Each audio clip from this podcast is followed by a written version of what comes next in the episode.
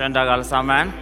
Og eh, Kjekt å se dere og eh, feire gudstjeneste sammen her på Kronstad. Eh, vi skal fortsette denne serien som eh, vi har eh, valgt å kalle 'Kom nærmere'. For eh, sett fra utsiden så kan jo man se på den kristne troen som en religion. Men i realiteten, eller i praksis i alle fall, så handler det mye mer om en relasjon til Gud. Og når vi leser gjennom eh, bibelboken, så eh, møter vi ulike mennesker og deres relasjon til Gud. I begynnelsen kan vi lese det at Gud han eh, vandret omkring i hagen i den svale kveldsbrisen på utkikk etter Adam og Eva. Abraham han ble kalt for Guds venn. Moses han talte med Gud ansikt til ansikt, står det, slik som mennesker snakket med hverandre. Jesus han sa til disiplene jeg kaller dere ikke lenger tjenere, men venner. Han sa òg har dere kjent meg, så dere også, eh, skal dere også kjenne min far. Og Like etterpå sier han løftet om Den hellige ånd. Så sier han han blir hos dere, skal være i dere. Jeg lar ikke dere bli igjen som foreldreløse barn, men jeg kommer til dere. Gud han ønsker en relasjon til deg og meg. Han ønsker at vi skal komme nærmere han. Jeg kan få opp første illustrasjon her. Og Vi kan se litt på det på den måten her. For Rundt 30 år siden så var det en eh, amerikansk sosialantropolog han var også teolog, han heter Paul Høibert. Han prøvde å forklare hvorfor er det ulike sosiale grupperinger oppstår i samfunnet. Og Han sa at du kunne se på det litt på den måten her, at Hvis du er gårdseier og du har et areal på et par mål, så klarer du på en måte å bygge et gjerde rundt hele, slik at du holder dine dyr på innsiden og alle de farlige dyrene på utsiden. Alle skjønte? Ja. Og Hvis du er en gårdseier som har veldig stor gård, masse land, sant? så klarer ikke du å bygge gjerder rundt hele greien. Så det du gjør da, det er at du istedenfor å bygge gjerder, så graver du brønner. Fordi at alle gode gårdseiere vet jo at hvis du graver brønner, ja, så vil alle dyrene trekkes til de stedene der det er vann å drikke. Vi er jo eksepsjonelt gode på som mennesker å ta sånne her sirkler som bak meg og si her er grensen for hvem som er innenfor, og hvem som er utenfor. Men det som var veldig annerledes med Jesus, jeg kan få neste bilde her, det var at når han kom, så kom han og så plasserte han seg sjøl i sentrum av begivenheten. Og så sa han det at Guds rike er kommet nær. Og Da handler det ikke så mye om om du er innafor eller utenfor i forhold til alle disse menneskeskapte grensene, men da handler det om hvor er det du er plassert i forhold til han som er sentrum. Derfor er ikke Gud så veldig opptatt av om du har kommet langt eller kort, men han er veldig opptatt av retningen på ditt liv. For du kan være langt under sentrum og likevel på være på vei mot Gud. Ellers kan du være veldig nært sentrum og være på vei vekk fra Han. Men uansett om du er langt ute eller om du er nær, så kaller Gud deg og meg til å komme nærmere Han. Og I forrige uke snakket eh, Chris om å komme til Gud og hvordan Gud eh, inviterer oss til å komme nær til Han. Og I dag skal jeg prøve å eh, ta litt mer nær til praksis og snakke om hvordan er det vi i hverdagen kommer nærmere Gud, og hvordan kan vi kjenne Gud på en dypere måte. I eh, Johannes kapittel 1 så kan vi lese om det som skjer i løpet av de første dagene av Jesus' sin aktive tjeneste. På en av disse dagene der så møter han en av sine slektninger. Han heter eh, døperen Johannes, eller han heter Johannes, og vi kaller han for døperen Johannes. Og eh, Han er der sammen med to av sine disipler, og de er veldig nysgjerrig på hvem Jesus er. Så Når de da ser at Jesus kommer gående forbi, så bestemmer de seg for at de skal på en måte stalke Jesus og finne ut av hvem han er. Så oppdager etter hvert Jesus disse to stalkerne, og så snur han seg til dem og så sier han følgende.: Hva leter dere etter? Eller en annen oversettelse sier det sånn. Hva søker dere? Og Det kan jo virke som et veldig sånn eh, trivielt eh, spørsmål, men jeg tror at med dette enkle spørsmålet her, så går Jesus rett til kjernen av hva det vil si å være hans disippel, en som følger etter han. For legg merke til at Jesus han spør ikke hva kan du eller hva har du lært. Han spør til og med ikke hva tror du på, men Jesus spør hva er du leter etter.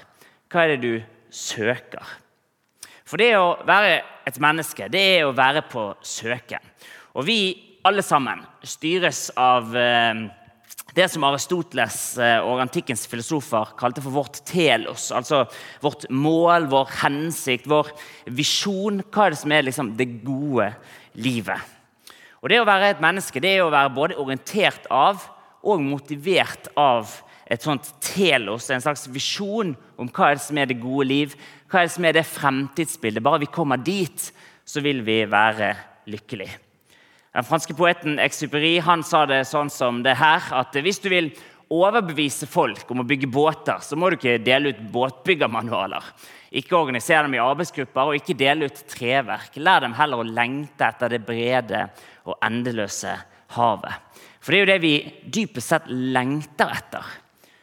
Det er jo det som setter retningen for mitt og ditt liv. Og I Vesten så er vårt menneskesyn i veldig stor grad formet av eh, den franske filosofen Descartes. Han er jo kjent for sitatet eh, at eh, 'jeg tenker, altså er jeg', som på mange måter oppsummerer hans filosofi, og på mange måter oppsummerer sånn vi gjerne tenker i Vesten. Og Ifølge Descartes så er det sånn at vi mennesker vi er først og fremst tenkende vesen. Hvor det er tankene, det er intellektet, det er det som styrer utfallet av livene våre.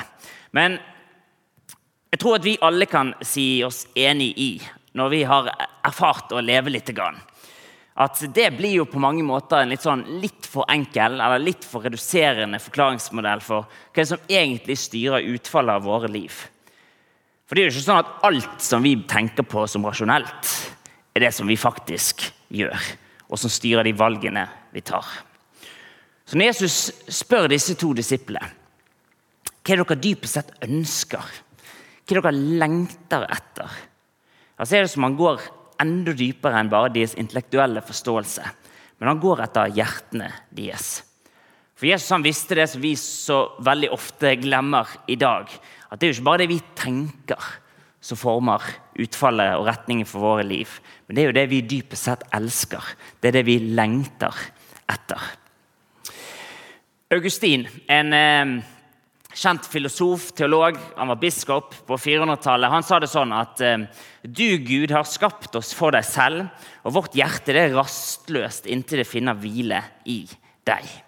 Og Det Augustin ønsket å formidle, det var at eh, vi mennesker vi er skapt av Gud, og vi er skapt for Gud. Det at vi er skapt av Gud, betyr at hvis vi skal fullt ut oppleve hva det vil si å være et menneske, ja, så må vi finne oss sjøl på en eller annen måte i relasjon til Han som er vår skaper. Og Det at vi er skapt for Gud, betyr at det å være menneske er å være orientert mot noe og lengte etter noe og jage etter noe. Og Augustins poeng var det her, at det er først når vi retter vår lengsel i retning av vår skaper, at våre hjerter finner fred. Hva leter dere etter? Hva søker dere? spør Jesus de to disiplene. Og de svarer, 'Rabbi, lærer, hvor bor du?' Og så står det videre, 'Kom og se', sa Jesus. Og De gikk eh, med ham og så hvor han bodde, og de ble hos ham den dagen. Det var omkring den tiende time. Kom og se, eller med dagens eh, ord, kom og heng med meg. Kom og sjekk det ut for din egen del. Kom og se om alt det de sier om meg, faktisk stemmer. Kom og se alt det som jeg ønsker å tilby dere. Kom og vær sammen med meg. Legg merke til at Jesus han eh, avkrever ikke et svar for hva som er deres dypeste lengsel, men istedenfor gir han dem en invitasjon til å komme nærmere. For når vi kommer nærmere Jesus, ja, det er da vårt hjertes lengsel vil finne hvile. Og Det var den gangen invitasjonen til Jesus, og det er Jesus sin åpne invitasjon til alle i dette rommet akkurat i kveld. Men da blir jo spørsmålet hvordan fungerer det i praksis i dag? Altså, Hvordan fungerer det nå? For det at Vi bor jo ikke i Israel. vet ikke om du har fått Det med deg. Det er ikke det første århundret. Og Jesus han sitter jo ikke her. Iallfall ikke i fysisk form. Så hvordan skal vi være sammen med Jesus i dag? Hvis vi fortsetter å lese i Johannes eh, evangeliet og kommer til kapittel 14, så eh, får vi noen hint der. For når du leser evangeliene, så ser du det at jo nærmere Jesus kommer til korset, jo mer begynner han å snakke om at nå skal jeg forlate dere, og så skal jeg sende en annen, som han kaller for Den hellige ånd. Og I kapittel 14 så står det det her at jeg vil be min far, og han skal gi dere en annen talsmann. På gresk så er det ordet for talsmann her. Det er en, en annen som meg, eller en som er av meg. Han skal være hos dere for alltid, sannhetens ånd, som verden ikke kan ta imot. For verden ser ham ikke og kjenner ham ikke, men dere kjenner ham, for han blir hos dere og skal være i dere. Jeg lar dere ikke være igjen som foreldreløse barn, men jeg kommer til dere. Ifølge Jesus så er måten vi er med han i dag, det er gjennom Den hellige ånd. Og Det betyr at det første målet, det primære målet som etterfølger av Jesus, det å lære å leve i kontinuerlig oppmerksomhet til og påkobling til Den hellige ånd. Det er det ifølge Jesus som er helt grunnleggende. Og Det finnes jo på en måte ingen sånn tipunktsliste for hvordan man er en etterfølger, men jeg er sikker på at hvis det var en sånn liste, så ville det vært øverst på listen. Kom og heng med meg. Kom og vær sammen med meg. Og Hvis vi går videre til det neste kapittelet i Johannes kapittel 15, så fortsetter Jesus der å vise oss hvordan dette finner sted, gjennom å gi oss en metafor for hvordan vi lever inn i den nye virkeligheten han kaller oss til. I Johannes 15 så står det, det at 'jeg er det sanne vintreet, og min far er vinbonden'. Hver grein på meg som ikke bærer frukt, tar han bort, og hver grein som bærer frukt, renser han, så den skal bære mer. Dere er alt rene på grunn av det ordet jeg har talt til dere. Bli i meg, så blir jeg i dere. Slik som greinen ikke kan bære frukt av seg selv, men bare hvis den blir på vintreet, slik kan heller ikke dere bære frukt hvis dere ikke blir i meg. Jeg er vintreet, dere er greiene. Den som blir i meg og jeg i ham, bærer mye frukt. For uten meg kan dere ingenting gjøre. Den som ikke blir i meg, blir kastet utenfor som en grein og visner. Og greinene blir samlet sammen og kastet på ilden, og de brenner. Hvis dere blir i meg, og mine ord blir i dere, be da om hva dere vil, og dere skal få det. For ved dette blir min far æret at dere bærer mye frukt og blir mine disipler. I denne kjente undervisningen kanskje har du hørt den før, fra Jesus, så gir han oss en metafor for hvordan vi som hans disipler, som hans etterfølgere, lever i kontinuerlig oppmerksomhet til og påkobling til Den hellige ånd. Han sier at 'jeg er det sanne vintre, min far er vinbonden'. Hver grein på meg som ikke bærer frukt, tar han bort. Og hver grein som bærer frukt, renser han så den skal bære mer. Dere er alt rene på grunn av det ordet jeg har talt til dere. Jesus' sin metafor er altså en grein som er koblet til vintreet. Han er vintreet, det er vi som er greinene. Og I løpet av denne korte undervisningen her så bruker Jesus disse ordene 'bli' eller 'blir' hele ti ganger. Det er som en sånn pedagogisk ti streker under svaret at dette er det viktigste poenget. Og Poenget er jo kjempetydelig. Det er kom dere inn i mitt nærvær og bli der. Og Nå tror ikke jeg, eller jeg vet det, at uh, det ikke betyr at liksom, nå skal vi bare kutte ut hverdagslivet, skal vi alle sammen gå i kloster, og så skal vi bare være i Guds nærvær. Men jeg tror det betyr det at det Jesus lærer oss her, det er at hans disipler, hans etterfølgere, skal lære seg til å alltid være to steder samtidig. På bussen til vei til jobb eller skolen og i Guds nærvær. På planleggingsmøte på mandag og i Guds nærvær. I klasserommet på studiet og i Guds nærvær. I køen på matbutikken og i Guds nærvær. Rundt middagsbordet med vennene dine og i Guds nærvær. På vaskerommet når denne haugen bare vokser og vokser, vokser, og i Guds nærvær. På treningsstudioet og i Guds nærvær. Og Opp igjennom så har det vært masse ulikt språk for å forklare og beskrive akkurat dette. Jesus kaller det her i Johannes 15 for 'å bli'. Paulus kaller det senere i Det nye testamentet for 'å be uten opphold'. Katolikkene de kaller det for 'kontemplasjon'. Og En kjent fransk munk, eh, bror Lawrence, på 1600-tallet, han kalte det praksisen av Guds nærvær. Og Lawrence han var eh, tidligere en eh, fransk soldat. Han ble radikalt frelst. og Så fikk han etter hvert jobb eh, på et kjøkken. Han var munk i et katolsk kloster der. Og Han har gjort det til sitt hovedmål i livet å praktisere Guds nærvær i alt det han gjorde. Han sa det sånn som det her, at for meg er ikke arbeidstiden forskjellig fra bønnetiden. Og i støyen og bråket på kjøkkenet mitt mens flere personer på samme tid krever forskjellige ting, ja, så besitter jeg Gud i like stor ro som jeg var på mine knær foran det hellige sakramentet. Og For en katolsk munk så er jo det hellige sakramentet, altså feiringen av nattverden, det er jo det mest hellige øyeblikket i livet. Og det Lawrence skriver her, er altså For han så er det forskjell på det øyeblikket rundt nattverdsbordet og når han står på kjøkkenet der og det er en haug med sånne sultne, gretne munker som vil ha mat. Sant? Det er ikke forskjell på de to øyeblikkene, men i begge øyeblikk så besitter han Gud i like stor ro. Altså Det er jo en fantastisk visjon for hverdagslivet, syns jeg. Men legg merke til at eh, han kalte det nettopp for praksisen av Guds nærvær. Filosof og teolog Dallas Willard han låner fra det språket, og han skriver det sånn som det er her at eh, det første og mest grunnleggende vi kan og må gjøre, er å holde Gud fremst i tankene våre. Dette er den grunnleggende hemmeligheten for å ta vare på sjelen vår. Vår del i å og her kommer det, praktisere Guds nærvær er å lede og omdirigere tankene våre kontinuerlig til ham. I starten av vår praksis kan vi fort bli utfordret av inngrodde vaner som å dele ved ting mindre enn Gud. Men dette er vaner, ikke gravitasjonskraften. Og vaner kan brytes. En ny nådefullt vane vil erstatte de gamle når vi tar intensjonelle steg mot å holde Gud foran oss. Da vil vårt sinn vende tilbake til Gud på samme måte som nålen på et kompass stadig vender tilbake til nord. Hvis Gud er vår sjels store lengsel, ja, så vil han bli polstjernen til våre indre liv. Men poenget er det her at å leve i kontinuerlig oppmerksomhet til og påkoblet Den hellige ånd det er noe som krever en livstid av praksis.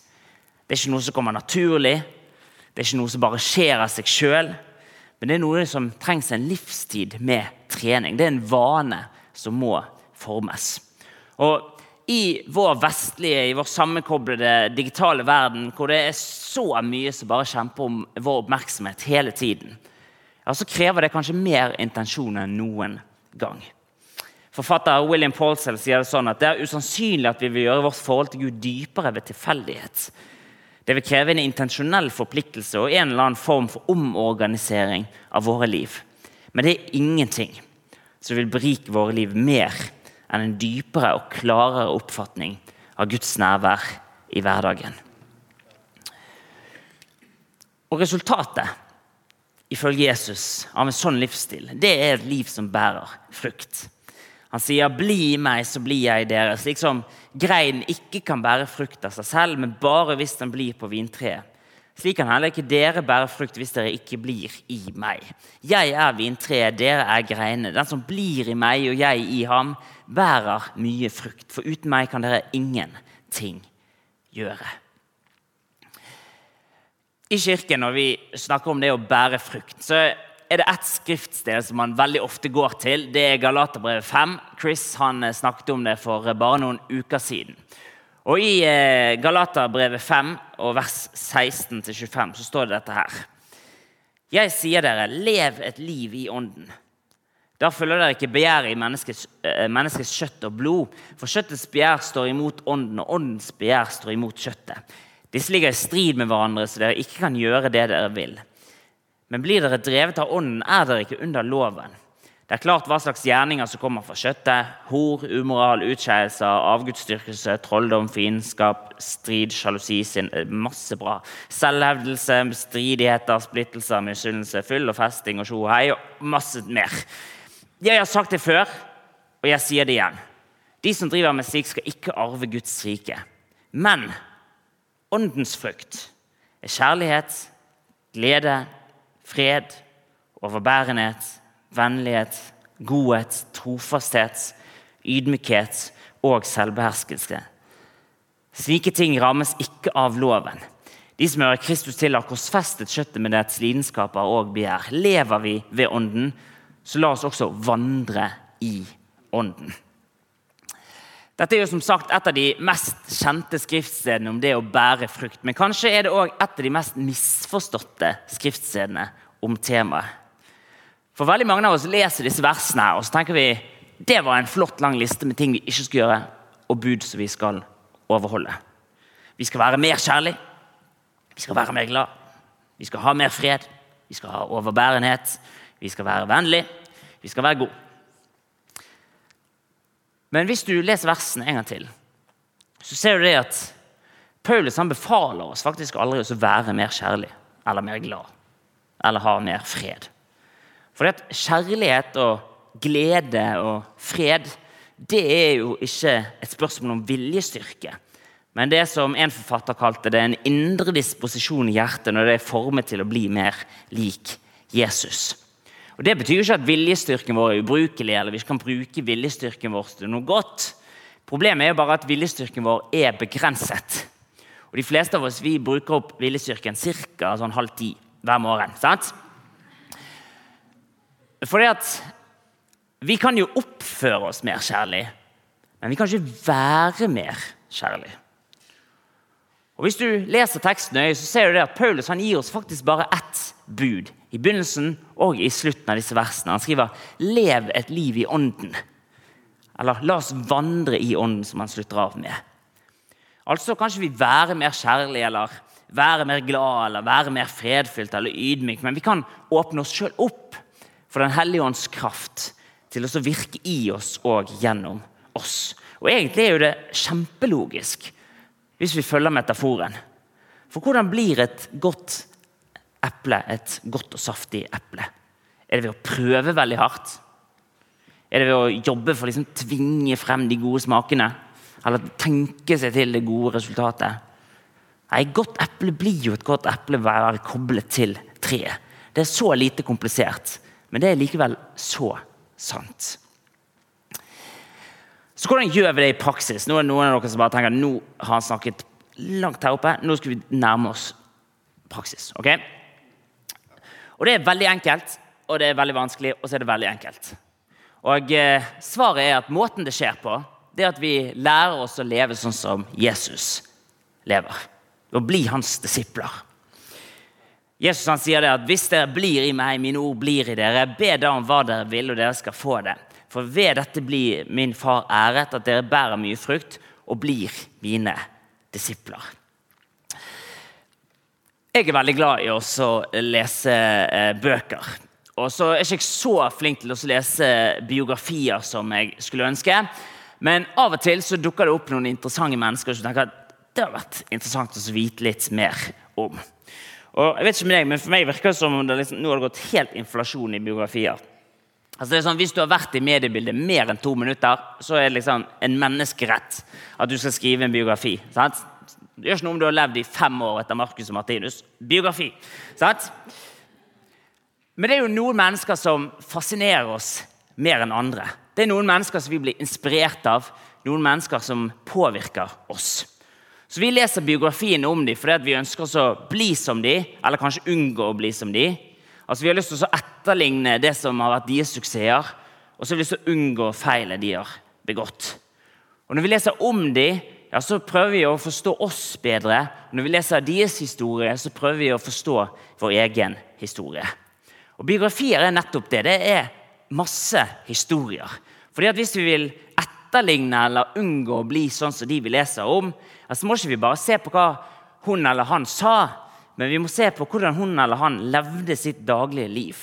Og Hvis vi er smart, så tar vi vanene deres og så gjør vi det til våre vaner.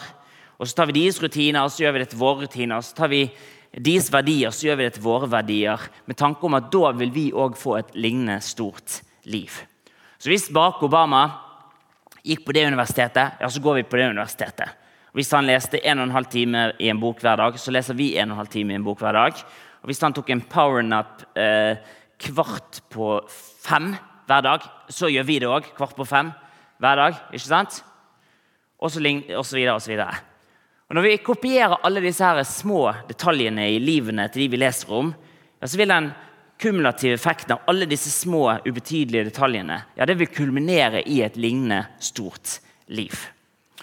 Og nå er Det sånn at det meste vi vet om Jesus, det leser vi i evangeliene. Og Evangeliene er full av historier, noe som egentlig er litt rart. fordi at mesteparten av, eller liksom, Det vi tenker på om Jesus, er jo at han var en lærer. Og Det er noe undervisning i evangeliene, men mesteparten av det er faktisk bare historier. Og Det betyr at evangeliene i sin essens er biografier.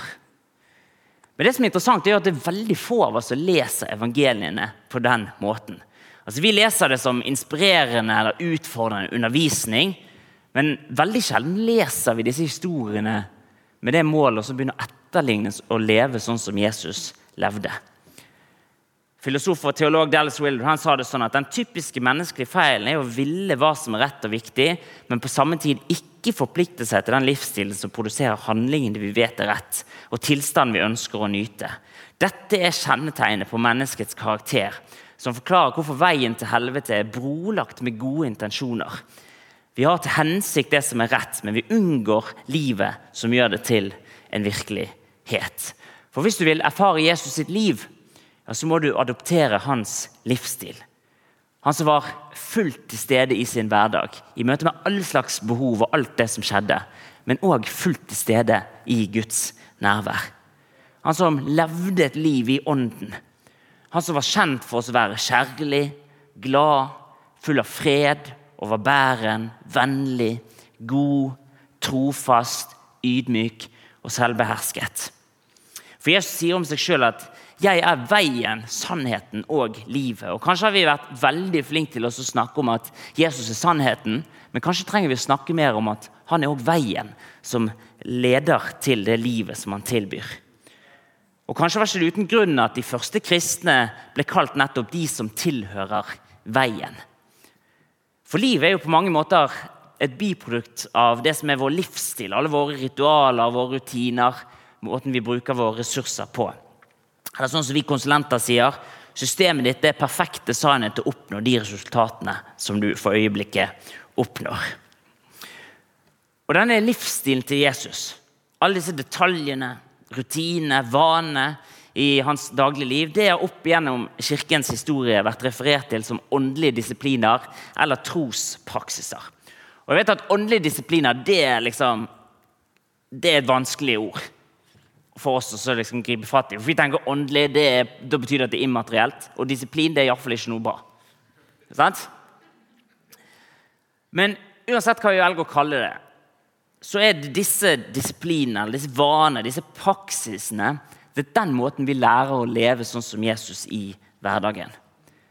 Og Det finnes mange av disse praksiser i Bibelen og opp gjennom kirkehistorien. og Kanskje noen av de mest kjente det å være stille fremfor Gud. Eller det å være alene med Gud, det som på engelsk kalles solitude. Kanskje er det bønn, faste, bibellesning, fellesskap, sånn som vi har nå, sabbat og nøysomhet. Og Alle disse praksisene, disse trospraksisene det er jo bare middel mot et mål. Tenk på en rosehage. Hvis du vil at rosene dine Dette har jeg bare lest, da. Jeg har ikke gjort det selv. Men hvis du vil at rosene dine skal vokse seg høye, og store og sterke. Og så må du bygge en oppbinding i bakkant som kalles et espalier. Det er noe som rosene kan vokse seg opp eh, langs for å holde seg rette. Og Denne oppbindingen eller espalieret, det er jo ikke mål i seg sjøl, men det er jo et middel som hjelper til videre vekst. Og På samme måte er det med trospraksisene. De skaper en sånn struktur i hverdagen for det livet som Jesus inviterer oss til. Altså er ikke målet å være stille og Målet er ikke å lese Bibelen, og målet er ikke engang å be. Som en sånn checklist av gjøremål. Men målet er å være med Jesus. Målet er å være med Jesus og lære å leve sånn som han. Fullt til stede i hverdagen og fullt til stede i Guds nærvær. Og nå vet jeg jo at det er krevende.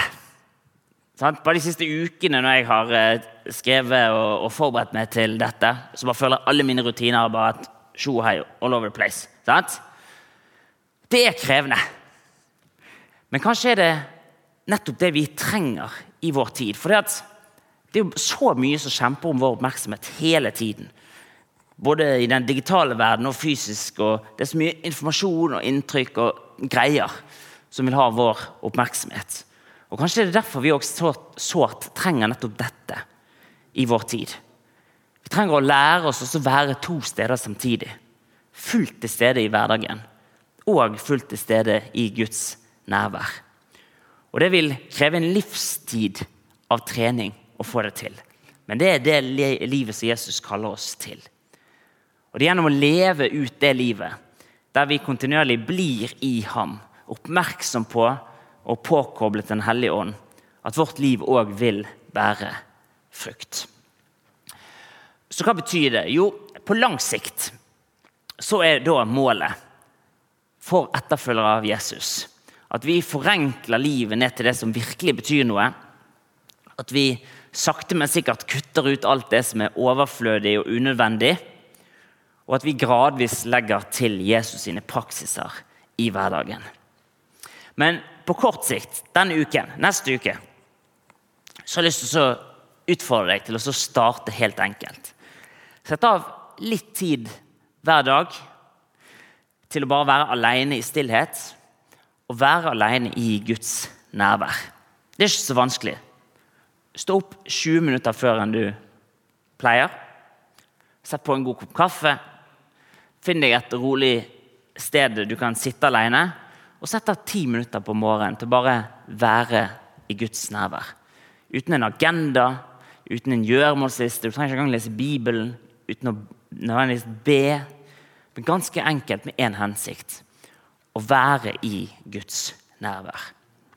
Bli i meg, så blir jeg i dere, slik som greinen ikke kan bære frukt av seg selv, men bare hvis den blir på vintreet. Slik kan heller ikke dere bære frukt hvis dere ikke blir i meg. Jeg er vintreet, dere er greinene. Den som blir i meg og jeg i ham, bærer mye frukt. For uten meg kan dere ingenting gjøre. Skal vi reise oss, og så skal vi be en bønn sammen.